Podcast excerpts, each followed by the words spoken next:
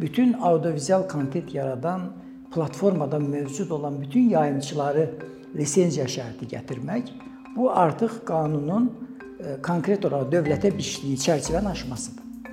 Çünki dövlət yalnız ona konstitusiya ilə müəyyən olunan çərçivədə tənzimləmə hüququ verir. Məsələn, biz bilirik ki, təməl hüquqlar baxımından dövlətin iki tip öhdəliyi olur. Birinə müdaxilə edərək tənzimləmək, digərinə qarışmamaq. İfadə azadlığı daha çox qarışmamaq çərçivəsində olan öhdəlikdir. Dövlət o sahəyə qarışmamalı.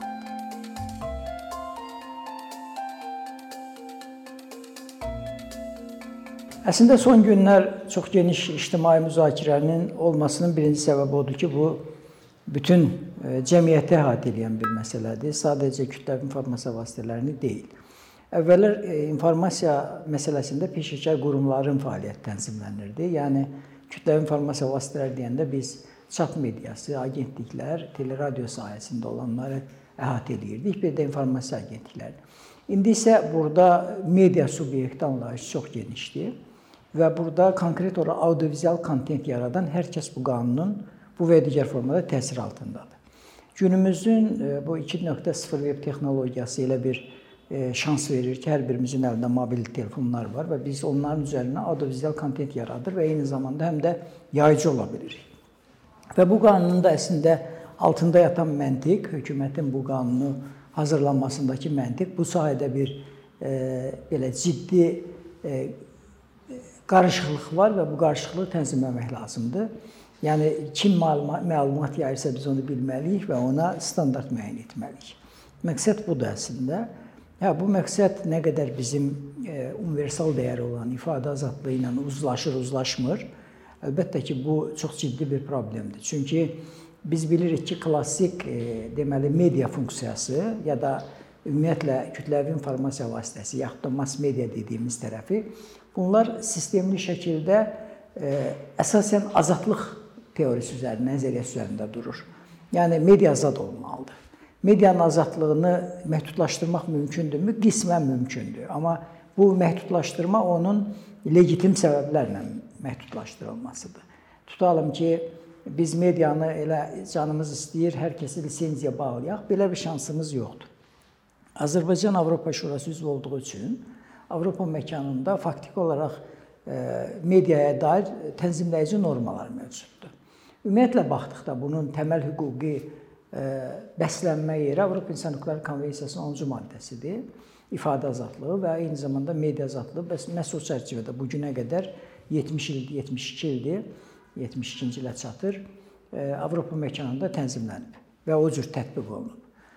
Orada yalnız medianın elektron kütləvi informasiya vasitəsi kimi televiziya və radio sahəsinə dövlət müdaxilə edib tənzimləyə biləcəyi nəzərdə tutulur. Amma bütünlüklə medianı dövlət tənzimləyəcəyi məsələsi bu Avropa hüquq məkanında, o cümlədən Avropa İnsan Hüquqları Məhkəməsinin yurisdiksiyasında qəbul edilmir. Bu qanunda gətirilən müddəalar məhz bax bu fəlsəfi və ya nəzəri olaraq müəyyən olunan çərçivəni aşaraq bütün medianı tənzimləmə təşəbbüsü ilə çıxış edir bu layihə.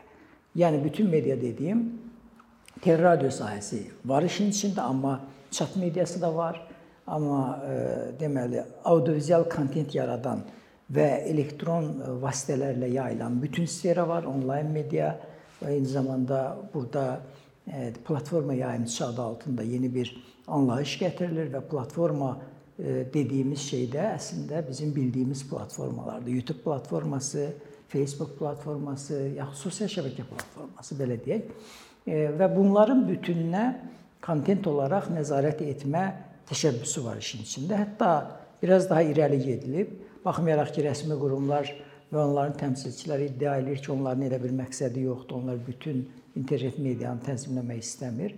Amma o layihənin 30-cu maddəsinin 2-ci hissəsində konkret olaraq yazılıb, e, deməli, e, platforma yayımçıları lisenziya almalıdır.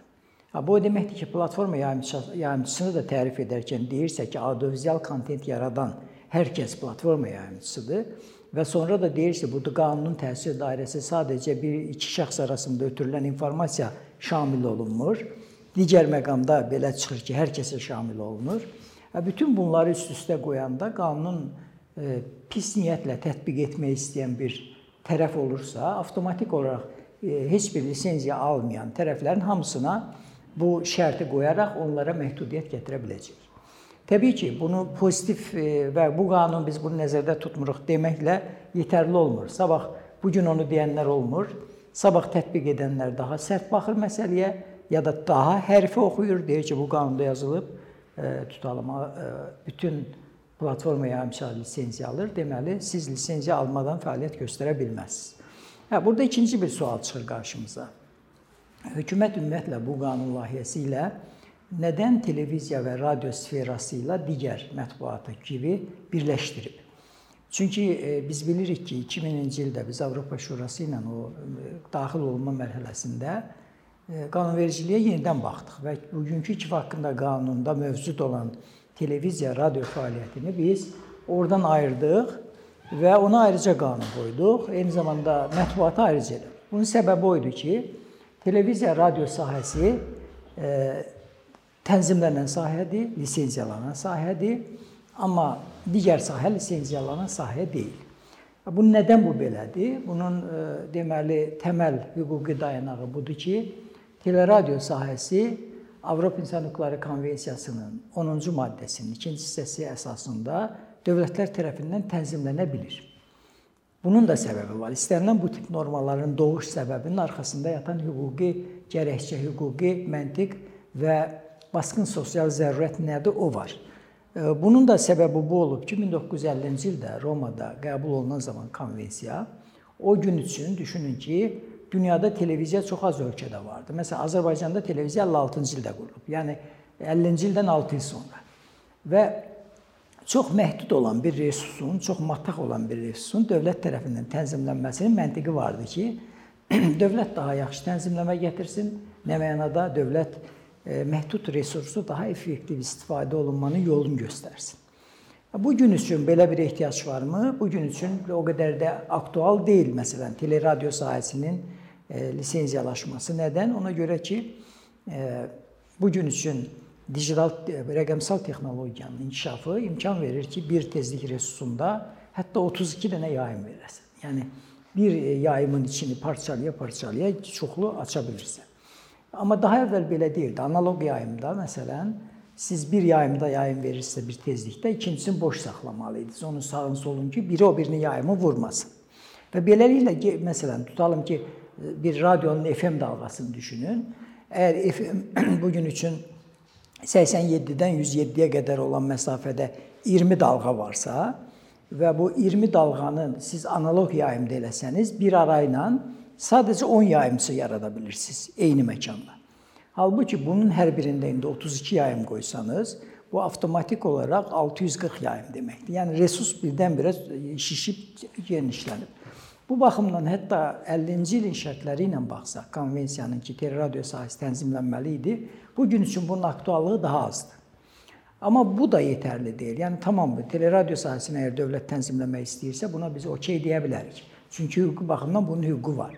Amma bunu aşaraq bütün audiovizual kontent yaradan platformada mövcud olan bütün yayımçıları lisenziya şərti gətirmək bu artıq qanunun E, konkret olaraq dövlətə biçdiyi çərçivəni aşmasıdır. Çünki dövlət yalnız ona konstitusiya ilə müəyyən olunan çərçivədə tənzimləmə hüququ verir. Məsələn, biz bilirik ki, təməl hüquqlar baxımından dövlətin iki tip öhdəliyi olur. Birinə müdaxilə edərək tənzimləmək, digərinə qarışmamaq. İfadə azadlığı daha çox qarışmama çərçivəsində olan öhdəlikdir. Dövlət o sahəyə qarışmamalı. Yalnız onun qarışa biləcəyi sahə, qismi sahə dediyim teleradio sahəsinin lisenziyalaşmasıdır. Bu qanunda baxırıq ki, biz bütünlüklə qarışma var. Sadəcə lisenziyalaşma məsələsi də deyil. Qarışmanı başqa bir yerdə harda görürük? Jurnalistlərin tanımlayarkən, onların anlayışını verərkən jurnalistin sadəcə professional bu işlə məşğul olmaq, ardıcıl bu işlə informasiyalanma işi ilə məşğul olmaq deyil, eyni zamanda mülki əmək müqaviləsi, vergi ödəyicisi kimi böyün qeydiyyatı kimi şərtlər də qoşublar.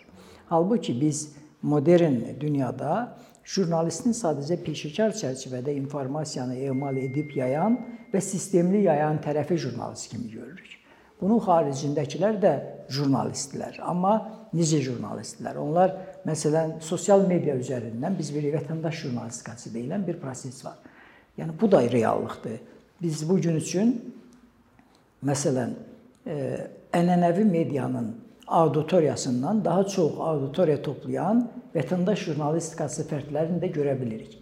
Uzağa getməyək. Bizim çox tanıdığımız məşhurlar var ki, onların Instagram hesabını 370 min, 360 min adam izləyə bilir.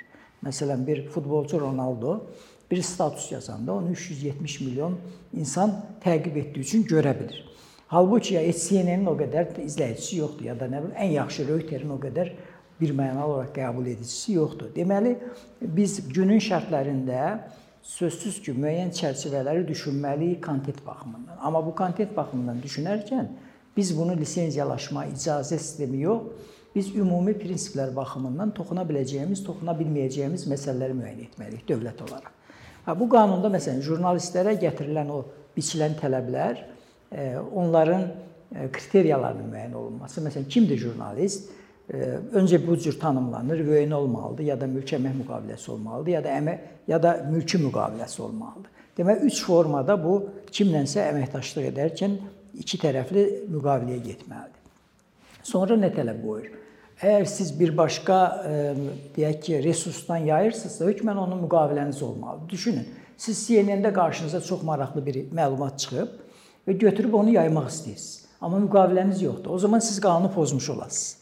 Bütünlüklə o maraqlı məqalənin sadəcə 3də birindən nəsə yaza bilər. Halbuki CNN onu açıq qoyub hər kəs istifadə edə bilir. Siz onu CNN-də yazıldığını göstərərək, müəllif hüquqlarına hörmət göstərərək təkrar paylaşa bilərsiniz öz auditoriyanız üçün. Amma indiki bu qanun buna imkan vermir. Deyir ki, siz kimin məlumatını yayırsınızsa, onunla müqavilənizi təqdim etməlisiniz. Bu faktiki olaraq Azərbaycan reallığında, Azərbaycan informasiya məkanında hardasa 80% informasiyanı yox etmək deməkdir. Götürüm. Çünki bu gün üçün özü orijinal xəbər yaradan tərəflər çox azdır. Bu və digər formada virtual informasiya dolaşır və biriləri ondan götürür, istinad edərək yayır və s. Və bu aspekti bir, bir digər problemdir. Başqa bir problem odur ki, məsələn, jurnalistlər üçün standart müəyyən olunubdur. Jurnalist reyestrə düşməlidir, dövlət reyestrinə ki, o jurnalistlərə tanınan akkreditasiya olma ya da üstünlüklərdən e, faydalana bilsin. Bu o deməkdir ki, e, biz burada informasiya alan tərəfləri e, kateqorizə edirik. Birinci kateqoriya reyestrə düşənlər, digəri düşməyənlər reyestrə düşənlərə əlavə üstünlük verəcəyik. Bu əslində Konstitusiyanın 25-ci maddəsi bərabərlik hüququ hər kəsin qanun qarşısında bərabərlik prinsipinə ziddir.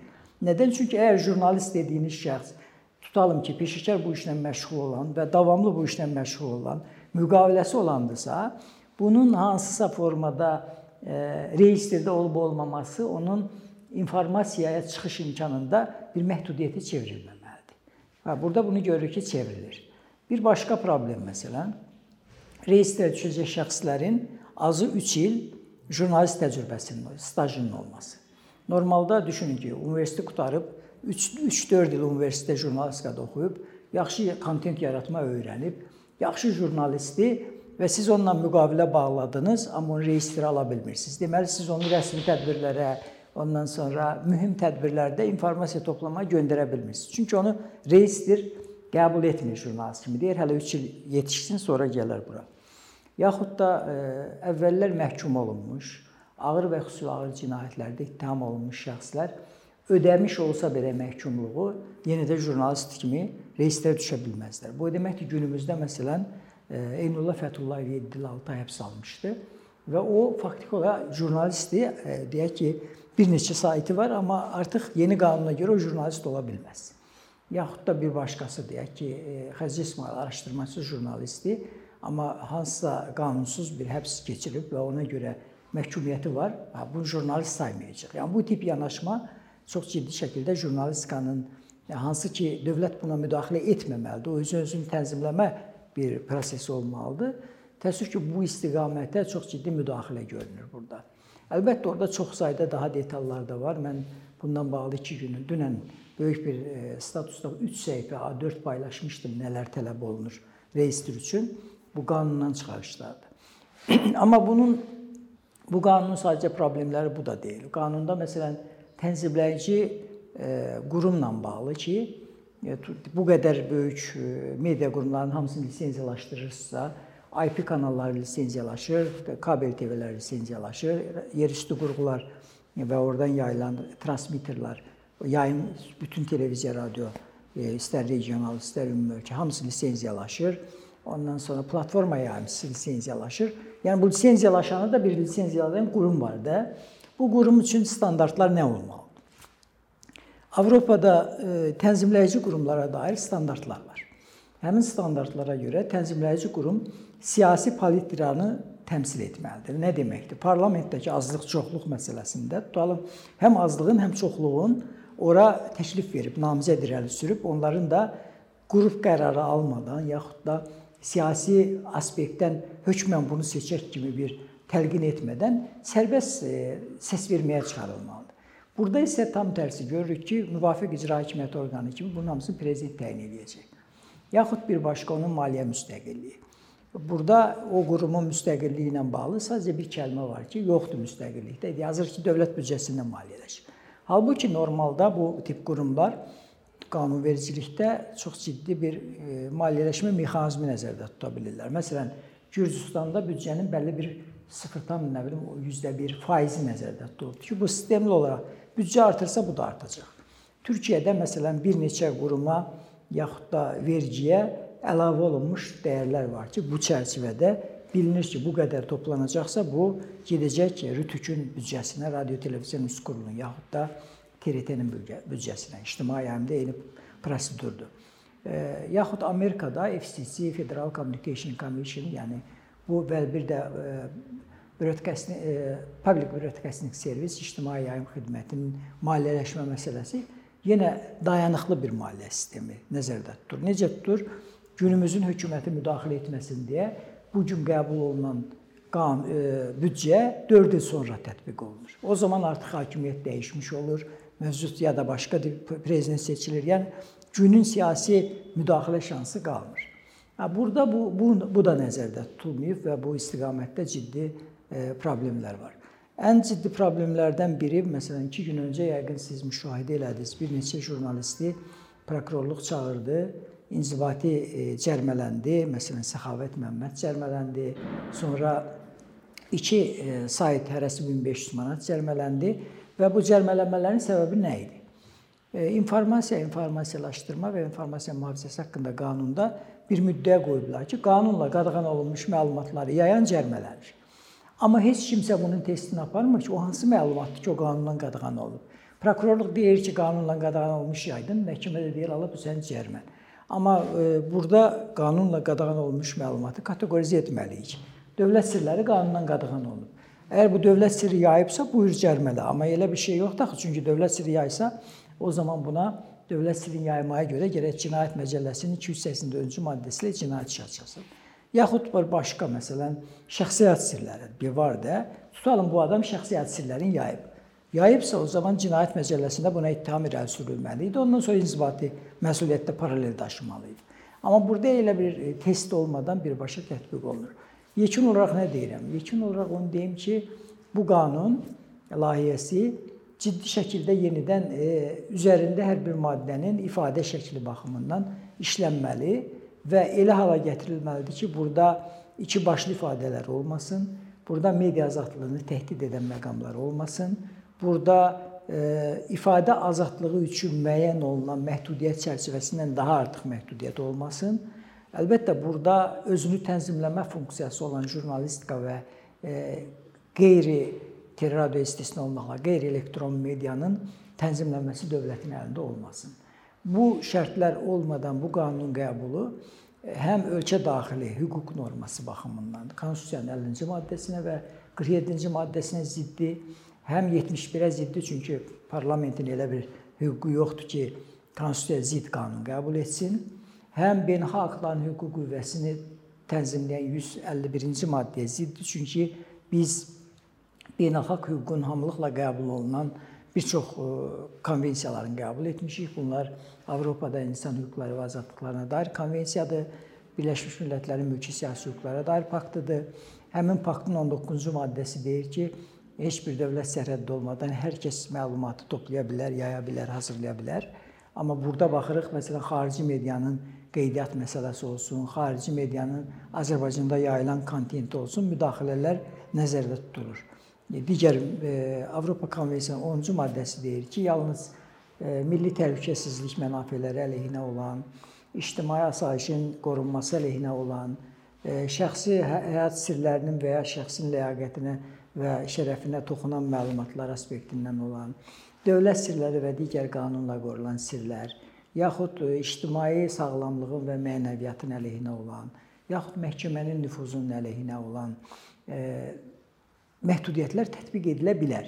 Amma bu demokratik cəmiyyətdə zəruri ölçüdə və miqdarda olmalıdır.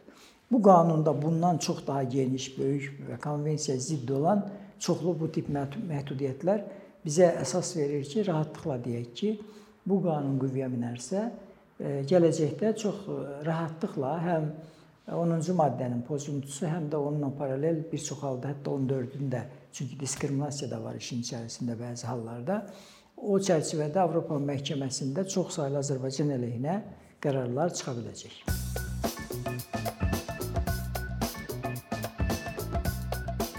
Bir neçə ildir ki, əkinçi olaraq azərbaycanlı izləyicilərin hər zaman faydalana biləcəyi keyfiyyətli və ən əsas ödənişsiz kontent hazırlamağa çalışırıq. İndiyədək təqdim etdiyimiz onlarla animasiya və yüzlərlə çəkilişlər tələbələrin, mütəxəssislərin, müəllimlərin və ümumiyyətlə yeni mövzulardan xəbərdar olmaq istəyən çox sayda insanın marağına səbəb olub. Bu illər ərzində hazırladığımız videolar təhsil, texnologiya, ictimai fəallıq, iqtisadiyyat, gender bərabərliyi, ətraf mühit, ifadə azadlığı, hüquq, demokratik inkişaf, mədəniyyət və digər mövzuları əhatə edib. Məqsədimiz çoxlu baxış gətirən deyil, çoxlu fayda gətirən videolar hazırlamaqdır. Amma bu düşündüyümüz qədər asan deyilmiş. Gördüyümüz iş kifayət qədər resurs, əmək və təbii ki, davamlılıq tələb edir. Bu səbəbdən Patreon platformasından istifadəyə başladıq. Əkinçinin Patreon hesabının populyarlaşmasına çox böyük ümidlərimiz və gözləntilərimiz var. Bəziləriniz Patreon haqqında ilk dəfə eşidirsiniz. Əslində çox sadə izahı olan bir platformadır. Təsəvvür edin ki, siz rəssam və ya musiqiçisiz. Sosial şəbəkələrdə sizi izləyən, işinizi bəyənən çox sayda insan var. Patreon platforması sizə imkan verir ki, izləyicilərinizin könüllü aylıq ödənişləri sayəsində işinizi davam etdirəsiz. Sərgi, konsert zallarından asılı qalmayasınız. Amma bu təkcə rəssam və musiqiçilərə aid deyil. Məsələn, əkinçiyə bənzər fəaliyyətlə məşğul olan bəzi layihələrin 10 minlərlə patronu var. Biz də düşündük ki, nə üçün əkinçinin Patreon hesabı olmasın? Sizin dəstəyiniz sayəsində sayəsində biz daha çox və daha keyfiyyətli kontent yaratmağa davam edə biləcəyik. Amma bu dəstək yalnız maddi dəstək deyil. Dəstəkçilərimizin sayının artması gördüyümüz işlərin faydalı olduğuna dair əminlik verir. Patreon platformasından istifadə çox sadədir. Hesabınızı açırsınız, sizə uyğun dəstək növünü seçirsiniz və Patreon özü hər ayın ilk günü kartınızdan seçdiyiniz dəstək növünə uyğun ödəniş tutur. Bu qədər. Sonda onu demək istəyirik ki, dəstəkçilərin sırasına qoşulmaq istəyən, amma məhdud imkana görə bunu edə bilməyənlər narahat olmasın. Daha öncə dediyimiz kimi, bizim əsas məqsədimiz daha çox insanın hər zaman faydalana biləcəyi keyfiyyətli və ödənişsiz kontentin yaradılmasıdır. Bunun üçün mütləq patronumuz patronumuz olmalısınız deyə məcburiyyət yoxdur. Amma imkanınız patron olmağa çatırsa və bizim işimizi bəyənirsinizsə, patronlarımızın sırasına qoşulmağınız bizim üçün çox önəmlidir.